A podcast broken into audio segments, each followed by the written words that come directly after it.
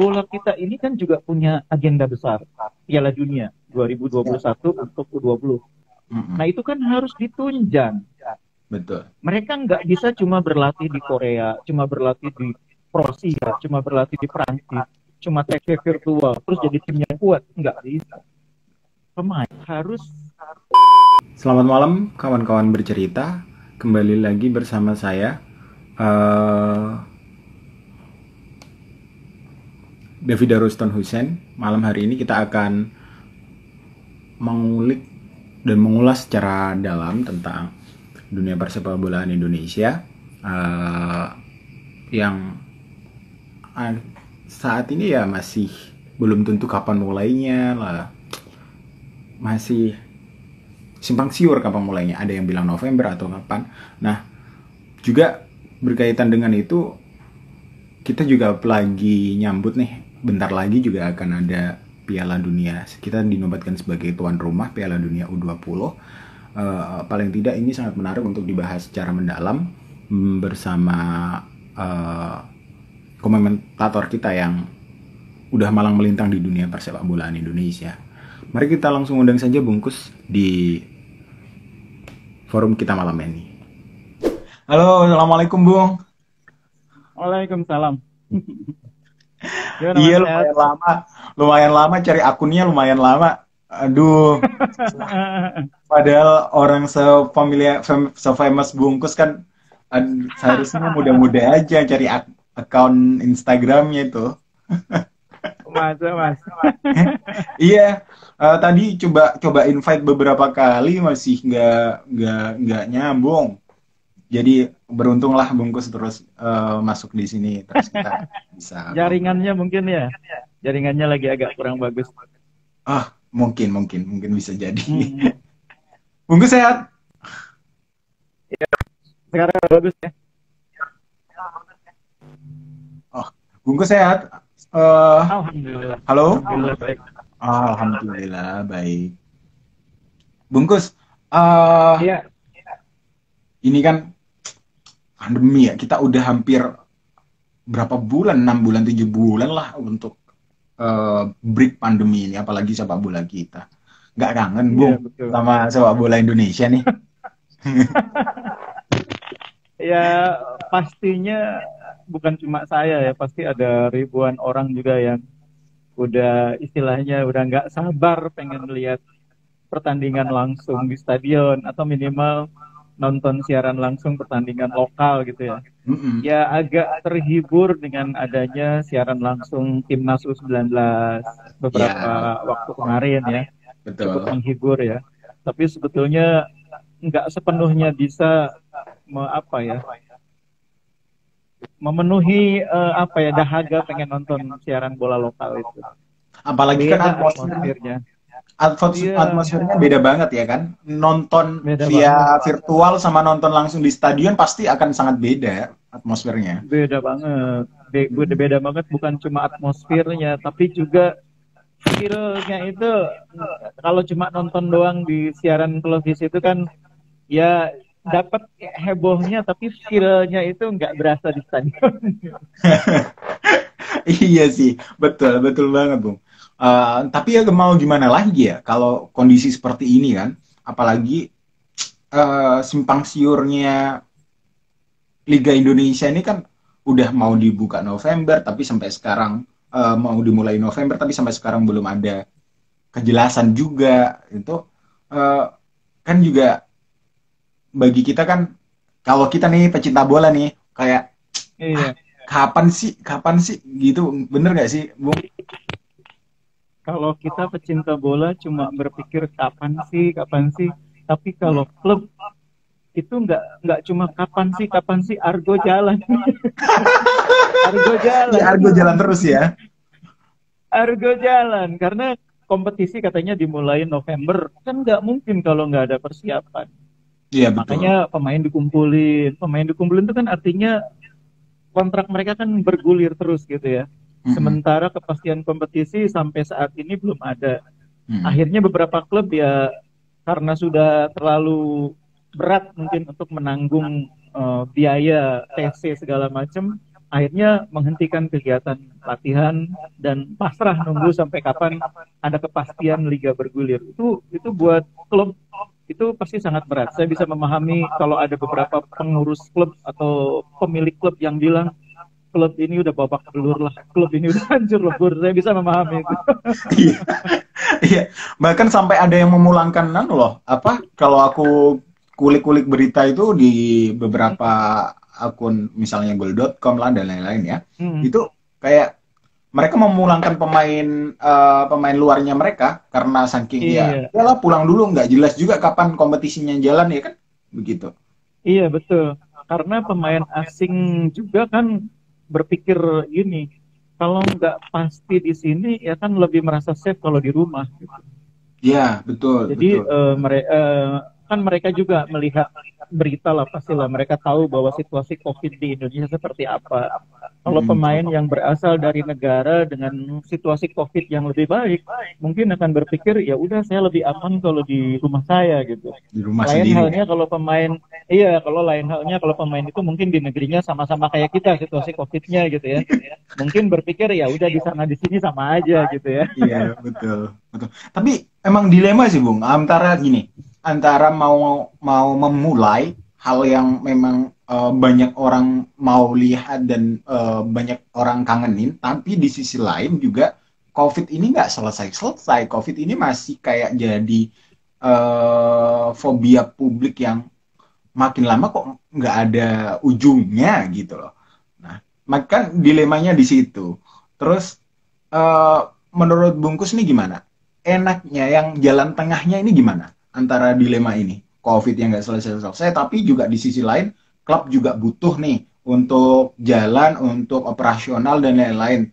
Di sisi lain juga pecinta bola lagi butuh hiburan juga kangen-kangennya sama atmosfer sepak bola Indonesia gitu. Iya, persoalan COVID ini kan seperti sering saya bilang bukan persoalan Indonesia itu persoalan yeah. dunia, persoalan global ya. Betul, betul. Jadi yang ngalamin bukan cuma Indonesia, tapi negara tetangga kita, Malaysia, Thailand, negara yang agak jauh, Korea, Jepang, negara yang sangat jauh, Amerika Latin, Eropa, ya, semua ngalamin persoalan ini.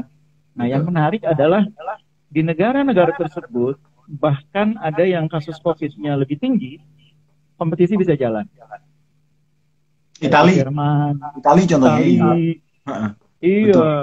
begitu juga dengan di apa di negara-negara Asia ya seperti Malaysia, Thailand, Korea. Oh Malaysia Artinya, udah jalan ya bung? Udah selesai malah. udah selesai malah. udah selesai malah. Artinya udah selesai. Jadi persoalan ini bukan persoalan yang nggak ada bandingannya gitu loh. Betul. Tapi bisa kita belajar atau membandingkan kondisi kita dengan kondisi di luar di luar uh, faktanya bisa jalan. Jadi artinya uh, bagaimana mereka bisa jalan karena mereka mematuhi protokol. Jadi kalau protokol ini kan memang disiapkan untuk menghadapi situasi COVID ini nggak akan berhenti dalam waktu dekat gitu loh. Hmm. Jadi mereka siapkan protokol uh, berdampingan antara kegiatan kompetisi dengan COVID. Kalau ada pemain yang terpapar, minggir dulu bahkan sekelas Ronaldo, sekelas Ibra pun minggir dulu gitu loh. Gak ada ampun gitu. Iya betul Tapi betul. kalau misalkan misalnya udah sembuh, balik lagi. Kalau tim banyak yang misalnya terpapar bisa sampai 7, 8 orang, 10 orang, timnya nggak cukup, ya pertandingannya ditunda. Di Jadi sudah dis, sudah disusun sedemikian rupa supaya uh, situasi COVID ini meskipun memang pasti akan mengganggu kompetisi, tapi tidak sampai membuat uh, aktivitas sepak bola berhenti. Itu gunanya protokol seperti itu. Gunanya protokol. Uh, dan ternyata itu jalan. Ternyata itu jalan. Di Amerika Latin, di Amerika sendiri juga yang COVID-nya tinggi kan kompetisi MLS jalan. Iya. Kemarin habis derby itu, LAFC lawan LA Galaxy, LA Galaxy kalah. LA Galaxy kalah ya. Uh, uh, jadi memang uh, kita tidak bisa berharap COVID ini berhenti dalam waktu singkat, dalam waktu dekat maksud saya. Ya. Dan kita harus siap dengan kemungkinan COVID ini akan berjalan dengan durasi yang lebih panjang lagi. Tinggal kita memutuskan apakah kita berani menggelar kegiatan ini dengan protokol yang ketat hmm. atau tidak. Kita sangat takut kepada COVID. Kan itu pilihannya. Iya. Tapi dari ketua PSSI sendiri pun kemarin udah statement tuh, Bung. Kalau misalnya dia mau mempusatkan pada satu pulau aja, terus protokolnya ketat tanpa penonton di stadion.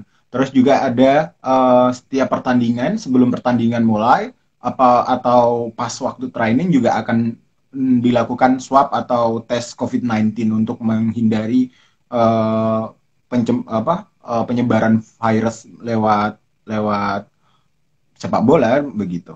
Kan itu bagian dari solusi sebetulnya, tapi kan kita terkendala sama izin lagi, Bung. Di kepolisian. Makanya tadi saya bilang kan hmm. tinggal makanya saya bilang tadi kan tinggal kita berani atau atau tidak. Kita itu iya. bukan berarti PSSI sendirian. Karena sepak bola itu tidak bergantung sepenuhnya kepada PSSI untuk menggulirkan kompetisi, PSSI kan butuh yang namanya izin keramaian. Izin keramaian itu kalau kompetisi dimulai dengan rekomendasi dari BOPI. Rekomendasi BOPI kan sudah keluar di awal tahun ini ya, dan itu sudah membuat kompetisi sempat berjalan.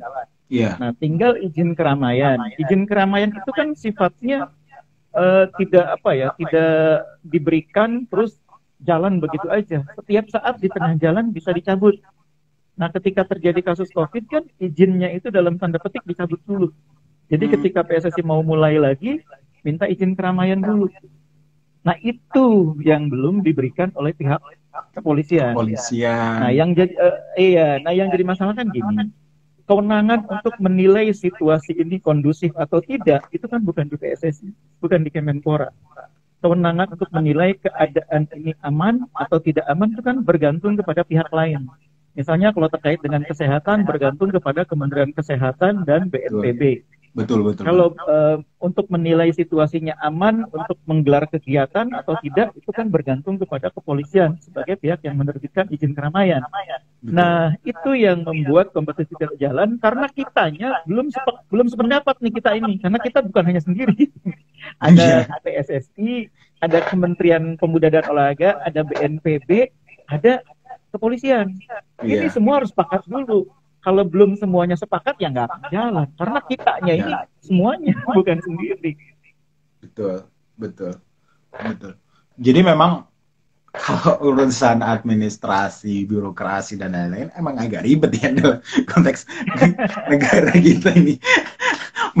kalau di lain-lain kan otoritas penuh kan misalnya kalau sepak bola ya kalau anggaplah di di Italia ya kan atau di Spanyol anggaplah uh, itu otoritasnya otoritas sepak bola Spanyol untuk ini mau terus apa lanjut lanjut jalan atau enggak itu kan otoritasnya di tangan mereka. Sedangkan kalau di kita kan masih beberapa pintu yang harus dilalui oleh mereka oleh PSSI untuk ya mau lanjut tapi, atau enggak tapi itu normal tapi itu normal sebetulnya dalam pengertian kan gini, di luar juga sama sebetulnya. Uh, izin dari negara itu tetap ikut menentukan apakah kompetisi dilanjut atau tidak. Itu sebetulnya oh, iya, sama. Iya, betul, betul. Jadi iya, pada iya. dasarnya sama. Cuma memang sudut pandangnya yang agak berbeda. Kalau di beberapa negara lain kan melihat toh ada prosedur toh ada protokol. Protokol kalau diikuti nih aman nih jalan. Hmm. nah kalau di kita tampaknya meskipun sudah ada protokol meskipun sudah ada uh, contoh di negara lain kompetisi bisa jalan tapi tampaknya belum yakin bakal bisa diikutin. Ya mungkin karena penilaian terhadap aspek sosial budaya masyarakatnya. Di luar mungkin orang lebih mudah untuk didisiplinkan. Kalau di sini mungkin dikhawatirkan dilarang nonton aja stadion nanti penuh sama mereka yang berkerumun. Jadi itu penilaian-penilaian itu yang kadang-kadang saya pikir uh, ya kita harus hormati uh, kewenangan pihak pihak-pihak yang memberikan izin ini ya karena mereka yeah. juga pasti ada perhitungan-perhitungan, ada pertimbangan-pertimbangan. Cuma kan yang harus dipikirkan begini. Kompetisi ini pentingnya buat apa sih kan itu? Mm, betul. Kompetisi penting untuk menunjukkan bahwa uh, ekonomi bisa berjalan seiring dengan kesehatan. Satu, yeah. misalnya gitu ya.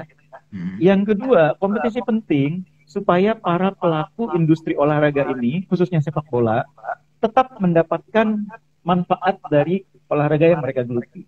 Pemain, pelatih, uh, official yang lain, dokter dokter tim, psikolog tim, bagian uh, apa master atau fisio fisioterapi, bagian catering, bagian apa yang ngurus stadion, bagian rumput stadion, yang jual tiket, semua mendapatkan manfaat.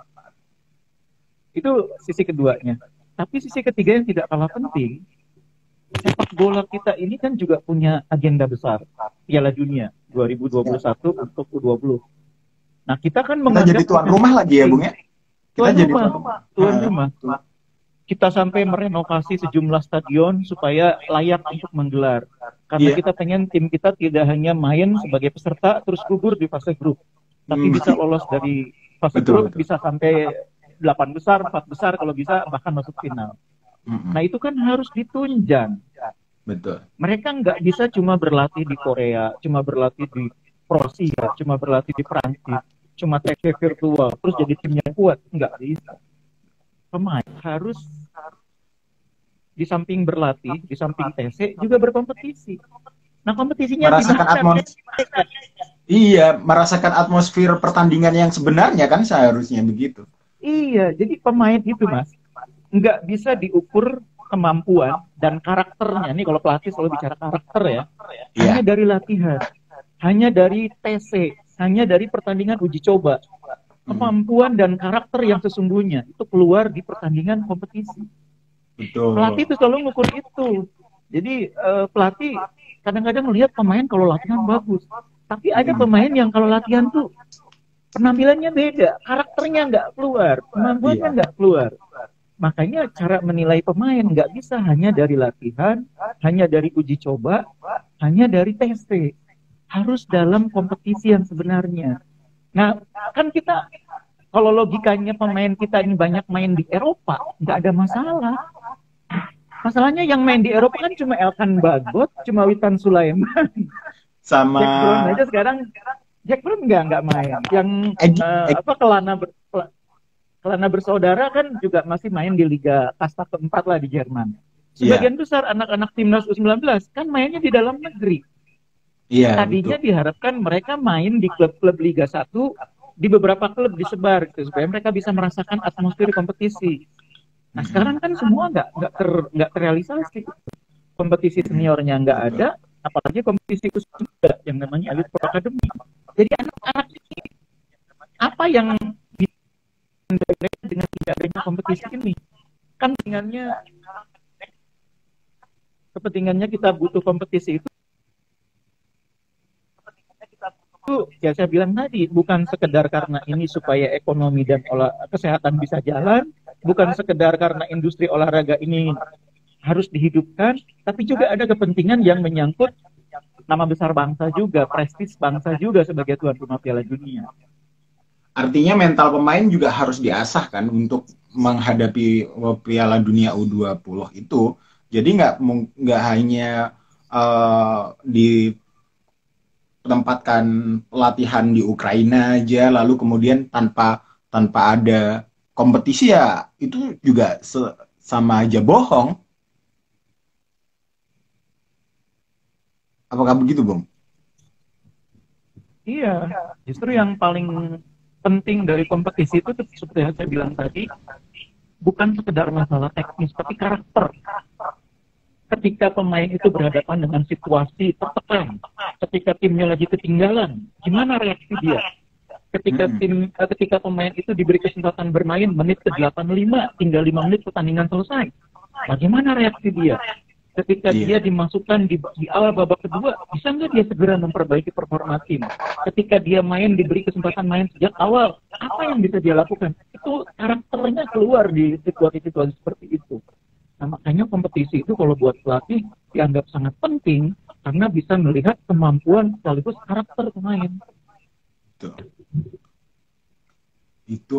Nah, Bung, kalau ini masih dengan kompetisi ya, masih dengan kompetisi. Maksudnya uh, kalau kita di 2021 kan sebagai tuan rumah uh, Piala Dunia U20, kemudian kalau sampai hari ini kita juga masih masih nggak nggak nggak lanjut lanjut aja ya kita nggak nggak nggak tahu ke mau kayak gimana hasilnya di U20 sedangkan capaian target kita nggak hanya lolos sebagai uh, di seleksi grup aja, tapi juga lolos uh, fase setelahnya, nggak fase grup aja, tapi fase setelahnya 16 besar, terus 8 besar dan lain-lain. Apalagi kalau juara ya. amin, amin. Semoga juara. Kita, kita masih sangat optimis dengan Sintayong ya.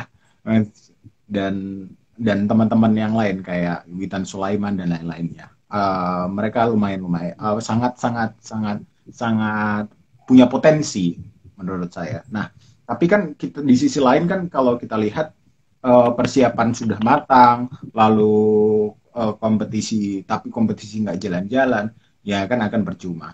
Nah, uh, di sisi kalau tadi bungkus juga bilang kan, kalau di sisi mentalitas pemain itu juga harus di, di dilihat di di kompetisi itu. Nah, Bung, uh, seberapa potensialkah kemudian uh, it, di konteks kompetisi ya uh, itu mempengaruhi mentalitas pemain sampai ke ranah membentuk jadi diri pemain apakah itu tergantung jam terbang atau yang lain? Apakah itu juga tergantung uh, latihan atau yang lain?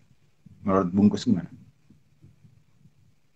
Kalau bicara soal pemain ya, seperti yang saya bilang tadi, kualitas pemain itu itu harus dilihat secara utuh, dilihat dalam latihan, dilihat dalam suasana tim pada saat dia berada di dalam tim, di dalam TC, tapi lebih penting lagi dia dilihat pada saat bertanding. Karena uh, seperti saya berkali-kali katakan bahwa dalam kompetisi atau dalam pertandingan itu itu akan keluar sesungguhnya kemampuan dan karakter pemain. Itu yang membuat mengapa uh, Sintayong uh, sampai sekarang ini kalau konteksnya timnas 19 ya. Sampai sekarang menganggap bahwa dia tuh belum belum punya yang namanya rangka tim atau yang namanya tim inti mana, tim pelapis mana, dia belum punya. Karena memang pada dasarnya dia belum melihat pemain ini di atmosfer kompetisi yang sebenarnya. Pemain-pemain kita bagus kemarin itu kan baru diuji coba. Betul, betul. Uji coba dengan kompetisi beda itu nanti. Betul.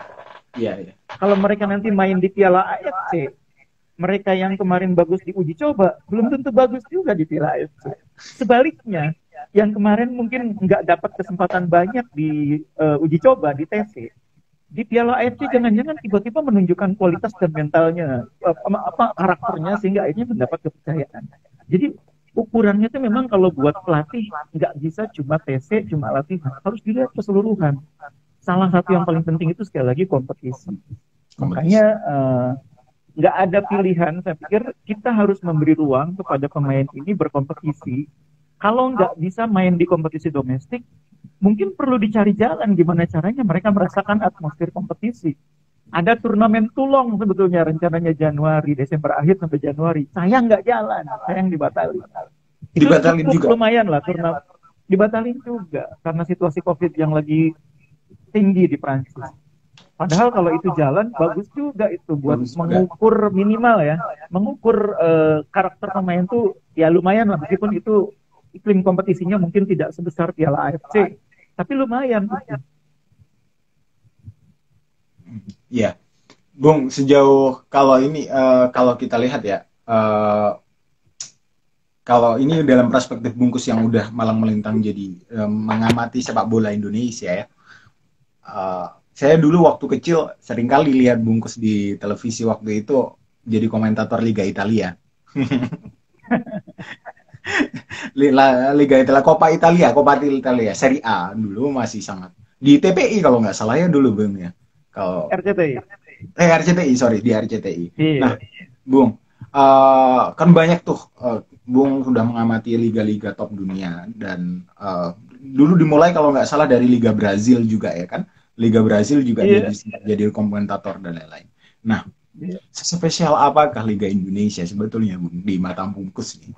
uh, di kalau kita lihat kan sebetulnya kita punya untuk resource untuk bangkit nih jadi jadi patronase sepak bola di Asia lah paling tidak tapi spesial, uh, sebetul sebelum ke ranah itu spesial apa sepak bola Indonesia menurut dalam kacamata bungkus? Oh, kita kan termasuk bangsa yang sangat bangga dengan keindonesiaan kita ya, sangat bangga dengan nasionalisme kita. Hmm. Makanya kalau harus membandingkan Liga Indonesia dengan liga mana pun nggak akan ada yang mengalahkan Liga Indonesia. Iya. Satu ya. Iya. Ini berkaitan dengan nasionalisme nah, loh. Itu, itu ya, iya. Tapi sebagai komentator ya, sebagai orang orang TV lah katakan, saya harus mengakui memang siaran Liga Indonesia tuh jauh lebih sulit daripada siaran liga yang lain. Liga Champion, apa, apa sulitnya? Liga Inggris. Begini, uh, dulu kalau dulu ya persoalannya salah satunya resources sumber data mm-hmm. sumber data kalau data pemain asing itu kan bertebaran begitu banyak di berbagai media sehingga kita yeah. mengoleknya lebih mudah kalau saya awal siaran dulu zaman Liga Italia itu perjuangan ngumpulin data itu jadi da, dulu kan belum zaman internet ya internet yeah, masih zaman zaman awal ada Jadi, ada majalah bola itu kita nih harus di data pribadi data iya. pribadi. Yeah. Jadi harus punya bank data sendiri, harus punya istilahnya clipping sendiri. Kalau nggak punya itu ya siaran tuh ya istilahnya cuma bla bla bla aja gitu, nggak ada kekuatan datanya. Nah terus hmm. masuk era internet di mana kita sangat tertolong. Sekarang penonton di rumah lebih jago daripada yang nongol di TV. Dari data ya. Iya. Karena lebih mudah, lebih mudah mencari sumber data. Hmm, betul. Nah, pada saat kita mulai awal-awal siaran Liga Indonesia tuh Liga uh, data sepak bola Indonesia masih sangat uh, langka ya, cukup jarang. Liga Inggris, Liga Italia, Liga Spanyol bertebaran waktu itu. Tapi Liga hmm. Indonesia masih sangat sedikit. Sekarang sih sudah sangat banyak memang. Jadi sekarang lebih memudahkan tugas bagi komentator. Nah, hmm. tingkat kesulitannya sekarang berbeda. Karena orang begitu banyak memiliki data, begitu banyak uh, data yang bertebaran sehingga mudah diakses. Ketika kita tampil televisi, kita nggak boleh salah data.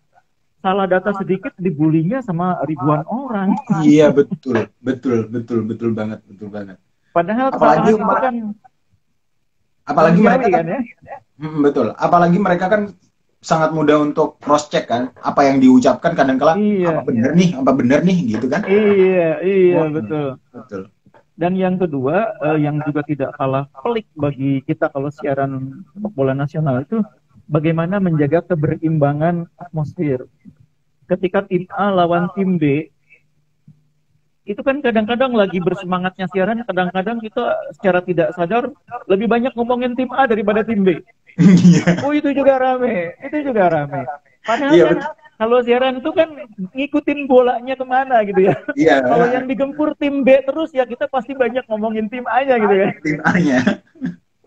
Tapi ya itu tadi kadang-kadang uh, penonton di rumah tuh kan karena fanatismenya kepada tim tertentu jadi nganggap kita nggak berimbang nih berat sebelah nih ngomonginnya tim A mulu padahal bukan ya, itu tapi betul. memang yang harus ditam yang dibicarakan tuh kan apa yang sedang terjadi di lapangan yang tampak di televisi Hmm. Nah itu jadi harus pintar-pintar sekali menjaga keberimbangan, harus pintar-pintar menjaga suasana hati penonton di rumah. Jangan sampai di rumah ini terbakar emosi gitu. Apalagi kalau kita lihat kan fanatisme sepak bola Indonesia itu luar biasa ya kan. Loyalis iya. loyalitas supporternya juga luar biasa. Kalau kita sering uh, lihat supporter-supporter kayak misalnya ya bonek lah, terus Jack Maniala atau Viking atau misalnya kalau di Sleman itu uh, Slemanisti. Slemanisti itu juga sangat hmm. sangat banget. Nah, kita salah sedikit aja bisa bisa kena tuh. Bisa kena tuh.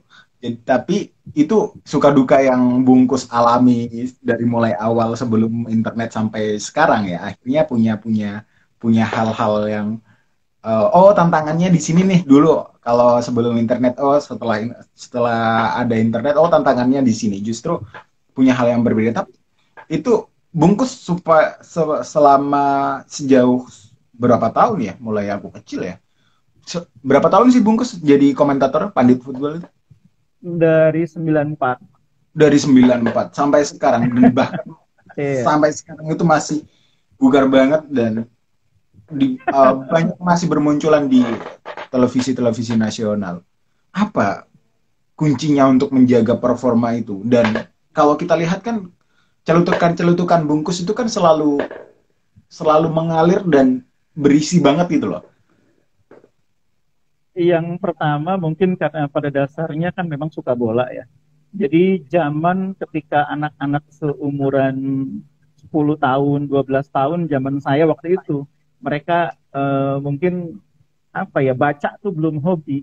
Saya udah udah baca itu majalah-majalah bola yang zaman dulu kan ada Olimpik, ada prestasi, pasti nggak pada kenal ya. Enggak, aku enggak. Zaman dulu. Tabloid bola aja, tabloid bola yang iya, terbit iya, minggu atau Jumat kalau nggak salah iya, lupa. Itu jauh jauh kemudian. Olimpik jauh prestasi itu jauh, tak, tahun 70 80-an itu anak-anak seumuran 10 12 tahun tuh belum baca itu. Saya udah baca, udah clipping. clipping sendiri. Clipping sendiri, Bang. Uh, keliling sendiri. Padahal saya tinggal di sebuah kampung itu di Cirebon sana, bukan di Jakarta, bukan di Bandung, bukan di hmm. Surabaya. Dan hmm. itu saya dapatkan uh, majalah itu kalau ayah saya pulang. Saya bekerja di Jakarta kan. Jadi hmm. kalau ayah saya pulang sebulan sekali itu oleh-oleh yang paling saya rindukan itu majalah bola, majalah olahraga, sama koran. Koran Merdeka dulu, ada koran berita Buana, ada koran Merdeka yang isi bola, eh, isi berita olahraganya banyak gitu. Iya. Nah itu wah itu sebuah kemewahan buat saya gitu. Makanya ayah juga pecinta bola, Bung. Iya, ayah saya dulu mantan kiper. Oh, mantan kiper. cedera lutut. Iya, cedera lutut. Uh, waktu main masih di Cirebon. Klub dan akhirnya berhenti main bola. Uh, dulu klub di kampung aja sih. Kalau di oh, saya ini kan tinggal di Sindang Laut. Jadi uh, kalau menjelang pesta uh, giling itu, musim giling, itu selalu ada turnamen, turnamen antar kesebelasan dari berbagai kota ya. Nah itu di turnamen itulah ayah saya bertanding gitu. nah cuma ya itu tadi akhirnya berhenti di usia muda karena cedera lutut, cedera lutut kakinya nggak bisa lanjut main bola. Ya saya juga mainnya di kampung-kampung situ juga.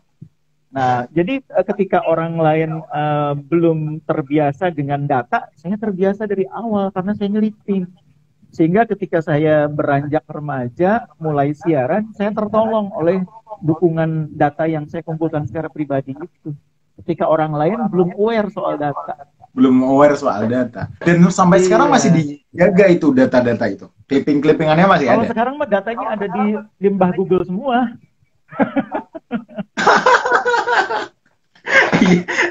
data itu semua ada di Mbak Google kan. Jadi sekarang ngumpulin data pun lebih banyak buat nostalgia aja.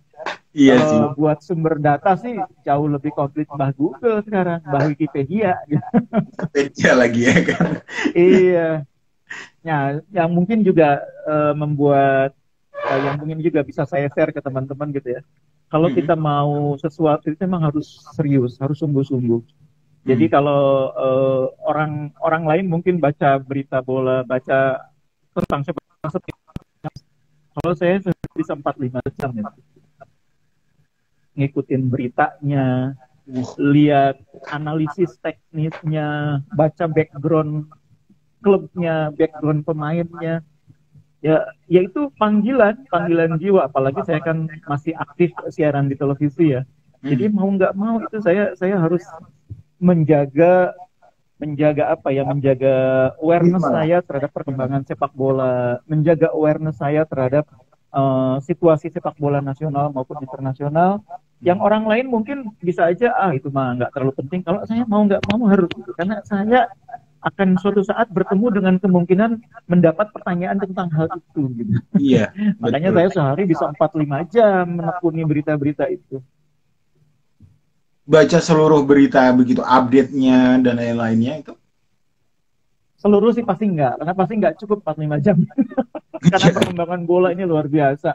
Apalagi sekarang media sepak bola itu bukan cuma internasional ya, yang dalam negeri aja sekali. Tapi saya selalu menyeimbangkan. Ada porsi untuk baca yang lokal, tapi ada porsi untuk baca yang sumber aslinya yang berbahasa Inggris, oh, iya. berbahasa iya. asing lah karena karena selalu ada hal-hal yang nggak saya temukan di sumber berita lokal itu selalu ada hal-hal yang di berita lokal nggak ada tapi ternyata kalau saya gali dari sumber berita di bahasa aslinya bahasa aslinya ada gitu Dan itu yang membuat saya merasa selalu punya kepentingan untuk uh, menjaga keseimbangan antara baca sumber lokal dengan sumber asing atau sumber aslinya. Luar biasa memang karir bungkus. Mulai tahun tahun 94 uh, saya masih kecil itu masih umur tiga tahun.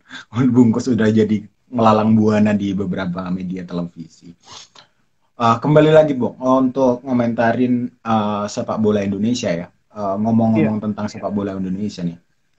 Uh, saya juga ngikutin kan perkembangan-perkembangan sepak bola Indonesia uh, mulai dari ya pelatih-pelatih yang terdahulu terus bagaimana perkembangannya dan lain-lain kita ngikutin. Tapi kok aku ngerasa kalau aku diriku sendiri ya ngerasa kayak kita itu uh, jalan di tempat aja gitu loh. Bahkan kalau kita lihat nih peringkat terbaru FIFA Indonesia itu menduduki peringkat di 173. Itu jauh di atas uh, di bawah di bawahnya uh, Papua New Guinea. Papua Guinea itu di urutan 165, Singapura lalu disusul Malaysia 158 sama 154. Nah, sebetulnya apa sih problem problem Indonesia ini sepak bolanya terutama? Uh, apa problemnya? Apakah di uh, apa uh, coaching kliniknya atau di pengembangan usia mudanya atau di di liganya justru atau di sistem tata kelolanya dalam kacamata bungkus nih ya kita juga harus bisa membedakan antara uh, perkembangan sepak bola dengan peringkat ini harus ini juga harus clear juga. Oh ya iya iya. Karena perkembangan ya, perkembangan sepak bola itu tidak sepenuhnya tergambarkan lewat peringkat, tidak sepenuhnya. Tidak sepenuhnya. Jadi ya, kalau artinya sebuah negara itu timnas iya sebuah hmm. negara tim nasionalnya jarang bertanding gitu ya. Betul. Jarang bertanding di pertandingan internasional yang masuk kalender FIFA gitu. Kan hmm. sulit menambah poin untuk menaikkan peringkat. Iya betul betul. Oh iya betul betul. Nah, sekarang ini kan peringkat kita ini kan di bawah Singapura, di bawah Malaysia, di bawah Thailand, di bawah Vietnam. Nah, kita cuma di atas model kayak Laos, Kamboja, Timor Leste kan yang gitu-gitu. Iya. Nah, jadi itu juga ber, uh, terpengaruh oleh tidak terlalu seringnya tim nasional Indonesia bertanding dalam pertandingan internasional resmi dalam kalender FIFA. Mm -hmm. Mm-hmm. Jadi kita harus harus sering itu dalam setahun tuh katakanlah harusnya bisa lebih dari ya sekitar 10 sampai 12 kali diatur lah mana lawan yang kira-kira bisa membuat kita nambah poin, mana lawan yang kira-kira penting untuk membuat kita naik level permainan timnasnya. Jadi uh, mengatur agenda internasional pun ada ada ininya, ada ada ilmunya gitu. Itu direktorat teknis di PSSI harus bisa menata itu. Kapan saatnya bertanding yang kalau pertandingan itu digelar penonton akan datang. Misalnya Indonesia lawan Argentina. Pasti penuh stadion. Tapi babak belur nanti peringkat kita. Iya betul betul betul tapi kalau kita lawan Maladewa kita mungkin akan menang dapat poin naik peringkat dikit tapi stadionnya sepi sepi Nah, jadi itu semua kombinasi yang harus diatur. Kapan saatnya melawan tim yang bisa naikin peringkat, kapan saatnya melawan tim yang bisa mendatangkan penonton. Kan PSSI juga butuh pemasukan. Oke, okay, betul. Iya kan? Harus dijaga keseimbangannya. Nah, betul. yang seperti itu tugasnya Direktorat Teknis PSSI dan dan harus geli betul. Nah, persoalannya adalah uh, dalam beberapa kasus kita ini ternyata tidak mudah juga ngedatengin tim asing. Ya faktornya banyak lah karena di samping faktor keamanan, faktor kesehatan, juga jarak loh. Indonesia ini kan ada di ujung Asia Tenggara sebelum Australia. Sebelum Australia. Jadi iya, jadi sebelum Timor Leste, sebelum Australia. Jadi kalau negara-negara dari Eropa itu kalau diundang ke Thailand cuma 10, cuma 10 jam perjalanan dari Eropa. Ke Indonesia bisa 18 jam, bisa minimal 16 jam. Iya, betul, betul. Problem tersendiri ya, Bung, akhirnya ya kan? Iya, banyak tim-tim asing itu, tim-tim asing itu kalau lagi musim panas, iya, lagi musim panas tuh safari ke beberapa negara Asia, mentoknya cuma sampai Singapura atau Bangkok, nggak turun ke hmm. Indonesia, nggak turun ke Australia. Itu problem gitu. Jadi itu juga faktor geografis yang tidak terlalu menguntungkan, tapi bukan satu-satunya alasan. bukan satu-satunya alasan. ini juga dipengaruhi oleh lobby kita ya. Bisa nggak kita melobi negara itu? Bisa kita bisa nggak kita menawarkan apa ya sesuatu yang membuat mereka tertarik datang ke sini? Dan mungkin juga ada faktor hubungan bilateral antar government to government juga yang ikut mempengaruhi. Saya pernah datang tim dari Islandia kalau nggak salah itu kan berkat hubungan government to government. Itu yang kayak gitu kayaknya kita harus harus dibantu itu, harus uh, didorong lebih banyak lagi kalau hanya mengandalkan daya tarik sepak bolanya, ya perlu perjuangan memang untuk meyakinkan negara-negara untuk main ke Indonesia. Tapi itu kan soal peringkat. Tapi kalau soal kemajuan sepak bola, sebetulnya kita sudah cukup bagus. Cukup berkembang. Ukurannya apa, Bu? Kalau ukurannya apa? Kan ada yang namanya peringkat FIFA, ada yang namanya peringkat uh, klub uh, peringkat negara dalam konteks kompetisi antar klub. Ya, betul betul. Kalau kita kan kompetisi antar klub, antar klubnya kan ikutnya AFC. AFC. Iya, nah memang Indonesia ini belum bisa menempatkan wakil di Liga Champion ya. Memang itu harus diakui. Kita masih kalah dengan Malaysia, dengan Thailand. Tapi dari sisi performa tim-tim kita sebetulnya lumayan. Persija waktu main di uh, Piala AFC lumayan, Bali United lumayan. Jadi uh, perkembangannya itu kalau dari perspektif yang lain terlihat sebetulnya. Meskipun memang kalau dari segi peringkat FIFA itu tidak terlalu tercermin. Sepak bola Indonesia itu, Mas, kalau dilihat rating televisi, Liga Indonesia itu lebih tinggi dari Liga Inggris, lebih tinggi dari Liga Champions, lebih tinggi dari Liga Italia. Masa penontonnya lebih banyak. Iya. nah, Ratingnya ya? Indonesia ya? itu Indonesia ya, Liga Indonesia nih, penontonnya rata-rata di semua stadion, katakanlah 18 klub peserta Liga 1 nih. Rata-rata yeah. penontonnya itu bisa di level 6.000 sampai 7.000-an. Semua kalau kita kalau kita hitung semua nih kan stadion ada yang kapasitasnya kecil ada yang besar ya. Yeah. Itu udah udah udah di udah disamaratakan lah gitu ya itu sepak bola kita bisa di atas tujuh ribuan penonton per pertandingan. Kita di atas Malaysia, kita di atas Thailand, kita di atas Singapura. Yeah. Singapura itu penonton satu pertandingan itu paling cuma ratusan orang. Saya beberapa kali nonton Liga Singapura. Saya beberapa kali juga nonton Liga Malaysia, Liga Thailand. Di sana, di negaranya, penontonnya nggak sebanyak di sini. Tapi peringkat FIFA mereka di atas kita. Betul. Jadi dua hal yang berbeda memang dalam hal ini. Dua hal yang berbeda, dua hal yang berbeda. Tapi hmm. all, uh, konteksnya adalah kalau rank rank FIFA ya maka itu berkaitan dengan kom, uh, apa banyak menit bermainnya dengan siapa kita bermain dan menang atau kalah kita dalam permainan internasional itu. Tapi kalau hmm. di sisi uh, klub juga kita di AFC juga lumayan dalam konteks kacamata bungkus kan kemudian itu. Iya. Uh, tapi gimana menurut Bungkus? Kan sebetulnya kalau kita talenta muda itu juga nggak kurang-kurang amat sih. Ada Egi Maulana, ada kalau beberapa tahun yang lalu kita kenal Evan Dimas ya kan. Uh, uh, terus sekarang sekarang di U20 itu ada uh, siapa yang Witan Sulaiman lumayan yang juga punya performa yang cukup mantap. Tapi kenapa kemudian kalau mereka beranjak ke usia yang matang, di umur-umur yang produktif untuk sebagai pemain sepak bola, misalnya 25 sampai ke 28 atau 30 begitu, itu mereka kemudian nggak se nggak se apa ya kalau aku bisa membahasakan itu nggak se nggak seperform kayak mereka dulu waktu masa muda begitu sebegitu menjanjikannya sebagai pemain muda begitu apakah ini yang salah di kompetisinya? Rata-rata kan begitu. Kalau kita dulu lihat Andi Firmansyah begitu kita lihat wah ini bakalan jadi bintang nih dengan kecepatan dengan performa yang lain-lain. Tapi semakin ke sini ya begitu-begitu aja akhirnya. Apakah itu karena minat bermain atau memang pengelola apa pembinaan talenta di usia muda atau gimana menurut ini faktornya banyak banget nih bener beneran banyak banget faktornya. Yang pertama ya eh, fondasinya. Fondasinya artinya pemain ini apakah pembinaannya benar? Sejak usia anak-anak sampai akhirnya mereka beranjak karena karena fondasi yang yang akan membuat mereka bisa bertahan berapa lama gitu loh. Betul. Bertahan berapa lama di usia puncaknya, di usia emasnya. Itu yang pertama. Yang kedua, uh, seberapa banyak kesempatan yang mereka miliki.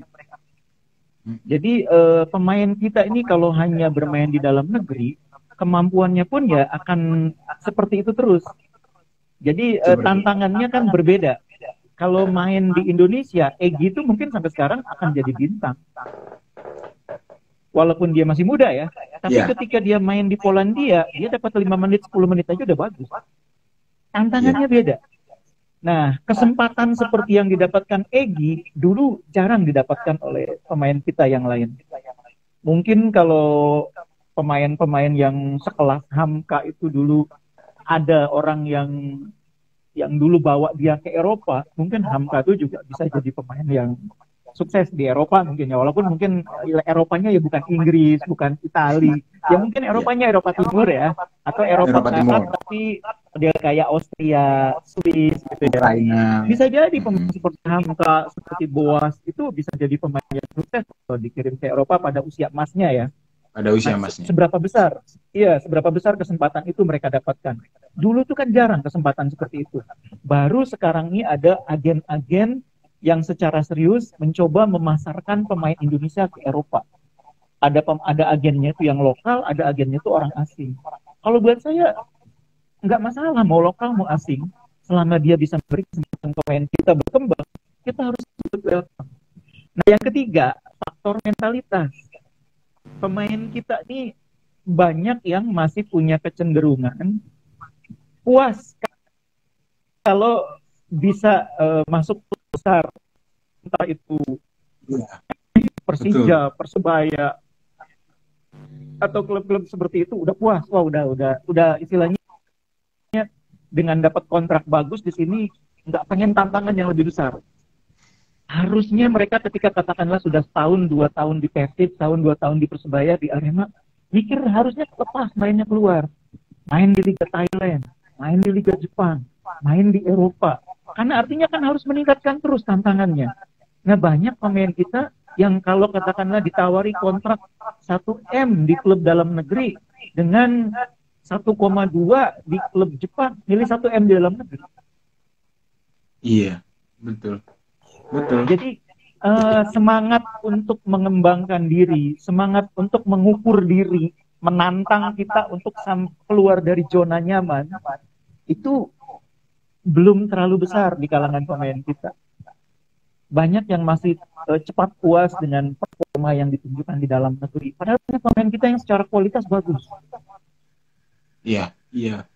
Ada memang memang rata-rata memang terlalu ter, uh, puas di zona nyaman bahwa mereka udah masuk klub-klub besar, Persib Bandung, hmm. Persija, Persebaya dan lain-lain mereka merasa bahwa mereka udah jadi bintang di Indonesia lalu kenapa harus iya. keluar begitu?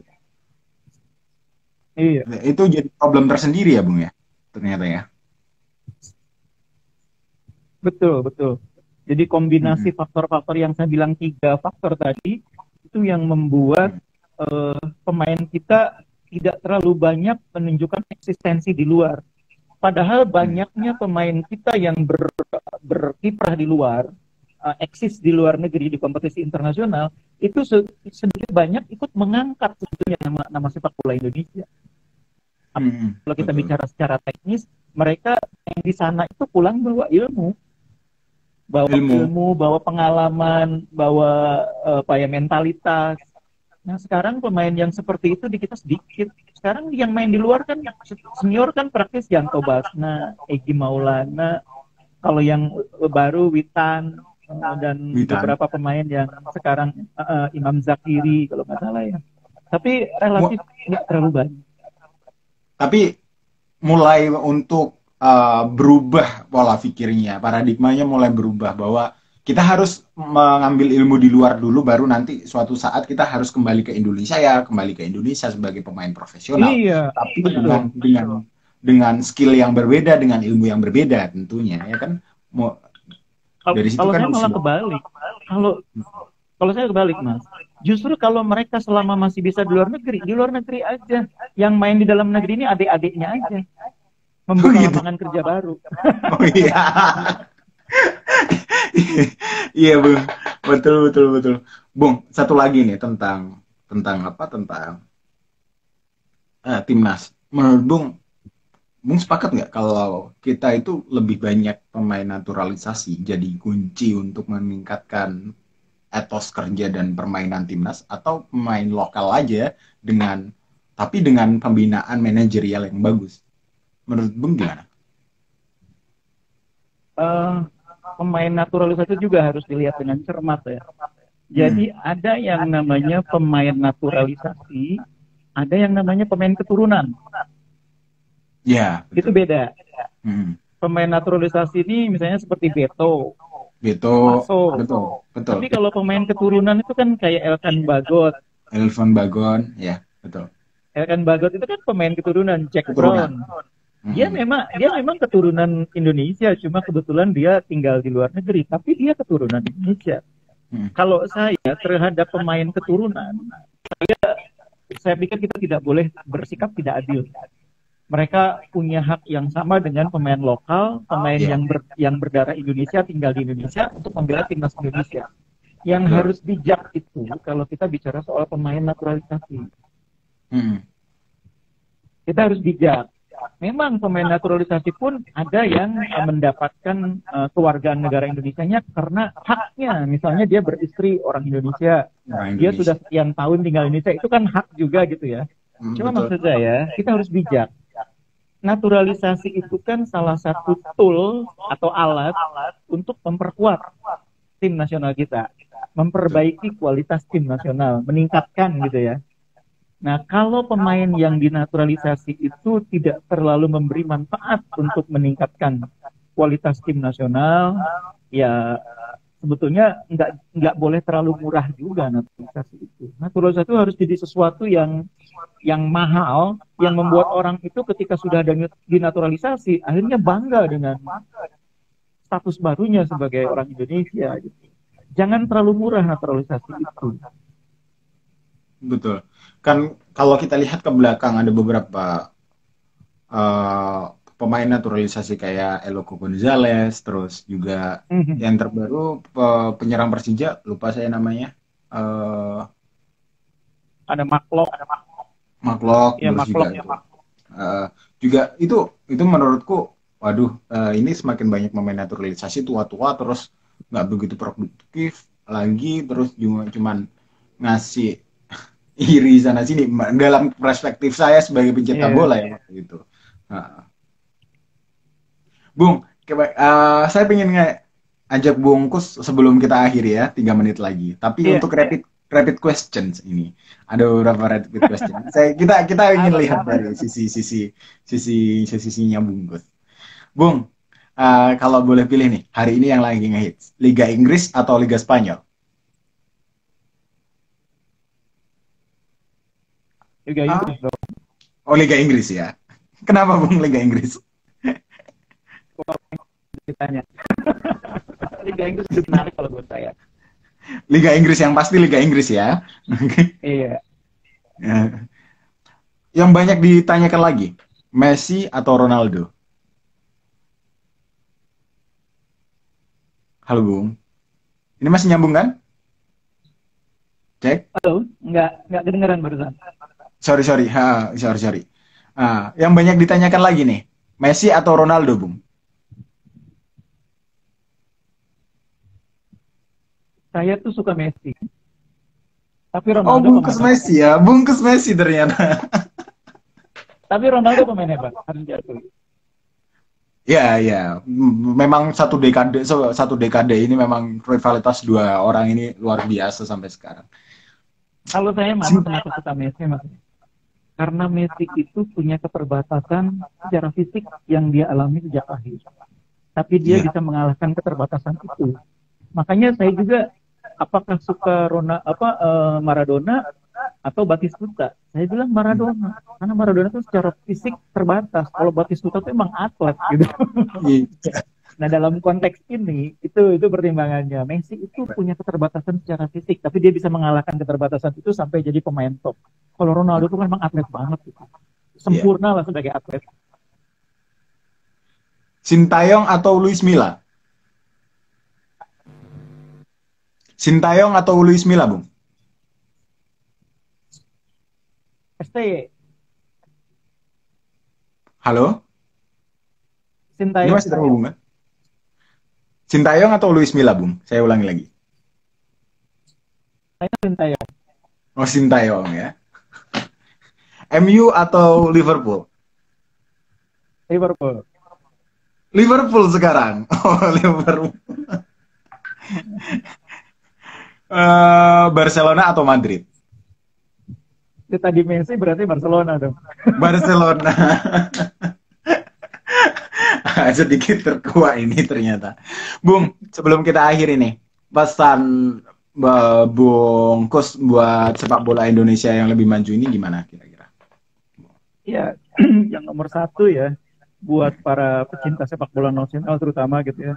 Kita nih pasti semua orang punya pilihan terhadap klub saya punya fanatisme. Tapi cara untuk menunjukkan fanatisme itu lebih baik fokus ke tim kita. Support semaksimal mungkin, tapi bukan dengan cara menjelekkan tim lain. Bukan dengan cara merendahkan tim lain. Orang punya pilihan suka tim lain nggak apa-apa. Saya suka tim A nih, katakanlah saya sebagai orang Bekasi suka Persipasi. Ya saya gede-gedein Persipasi, saya support abis-abisan. Tapi saya nggak boleh bilang tim Bogor jelek, tim Kerawang jelek Orang Kerawang ya harus support Kerawang, orang Bekasi support Bekasi, orang Bogor support Bogor tanpa menjelekkan orang lain, tanpa menjelekkan tim lain. Nah itu nomor satu yang ingin saya dorong ke pecinta sepak bola Indonesia supaya kita menjadi pendukung yang produktif, Betul. pendukung yang tidak merugikan tim kesayangannya, tim kesayangannya nggak banyak jadi jadi korban sanksi dari PSSI, korban denda. betul betul betul. Terus ada lagi bu? Nah yang kedua, yang kedua kalau kita konteksnya tim nasional, tadi kan konteksnya klub kesayangan lokal ya. Yang kedua konteksnya tim nasional, kita kalau bicara kita harus